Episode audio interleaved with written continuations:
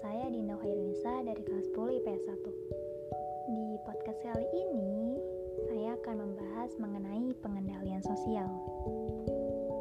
Pada tema kali ini, saya akan membahas mulai dari pengertian, ciri-ciri, fungsi, tujuan, hingga klasifikasi dari pengendalian sosial itu sendiri. Namun sebelum menuju ke aspek berikutnya, kita harus tahu dulu nih, apa sih pengendalian sosial itu? Menurut ahli sosiologi bernamakan Cohen, pengendalian sosial adalah cara-cara atau metode yang digunakan untuk mendorong seseorang agar berperilaku selaras dengan kehendak-kehendak kelompok atau masyarakat luas tertentu. Dan pengertian secara umum, pengendalian sosial yaitu salah satu usaha yang dari individu atau masyarakat untuk mencegah terjadinya penyimpangan sosial. Nah, setelah kita mengetahui pengertiannya, kita lanjut ke ciri-cirinya. Ciri yang pertama, pengendalian sosial selalu berkaitan dengan suatu cara, metode, atau teknik tertentu terhadap masyarakat. Yang kedua, bertujuan mencapai keserasian antara stabilitas dan perubahan-perubahan yang terus terjadi di dalam suatu masyarakat. Yang ketiga, dapat dilakukan oleh suatu kelompok atau individu. Dan yang terakhir,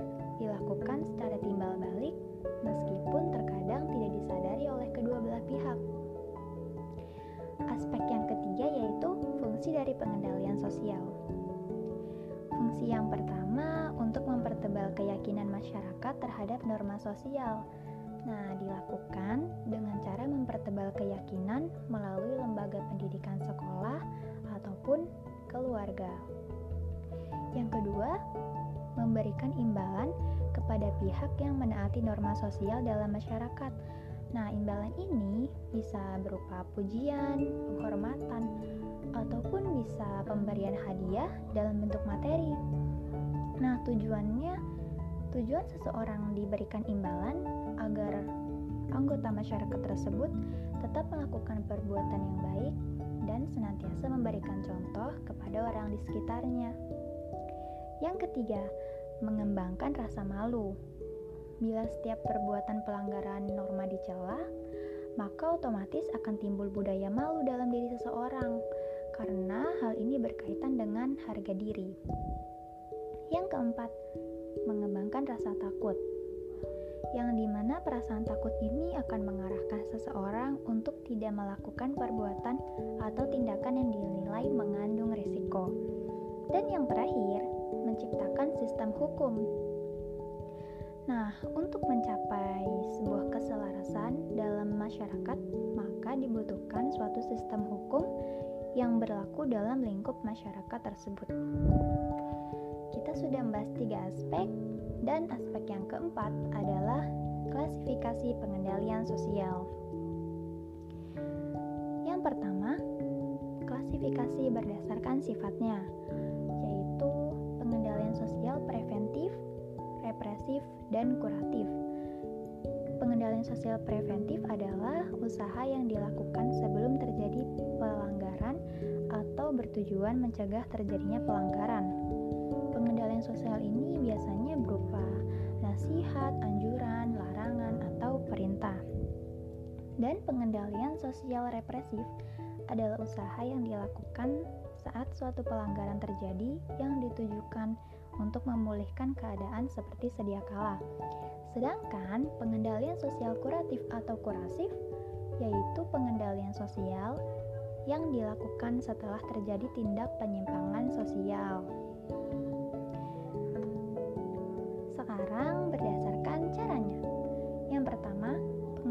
Sosial persuasif. Pengendalian sosial secara persuasif ini lebih ditekankan pada usaha untuk mengajak atau membimbing. Yang kedua, pengendalian sosial koersif, yang di mana dilakukan dengan kekerasan atau paksaan.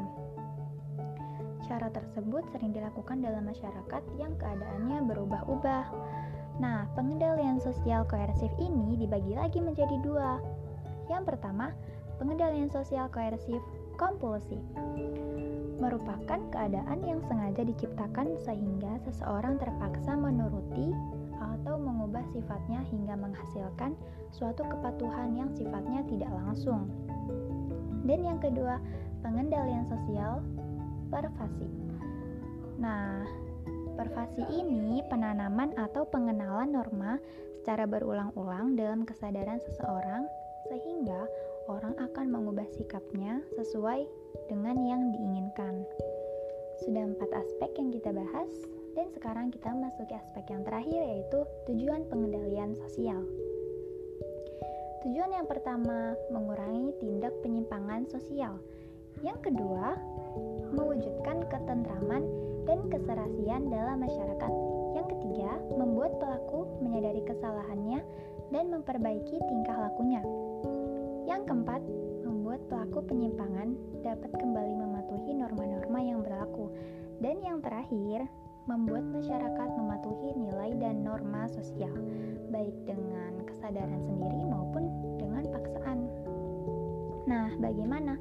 Apakah penjelasan dari saya tadi dapat mudah dimengerti?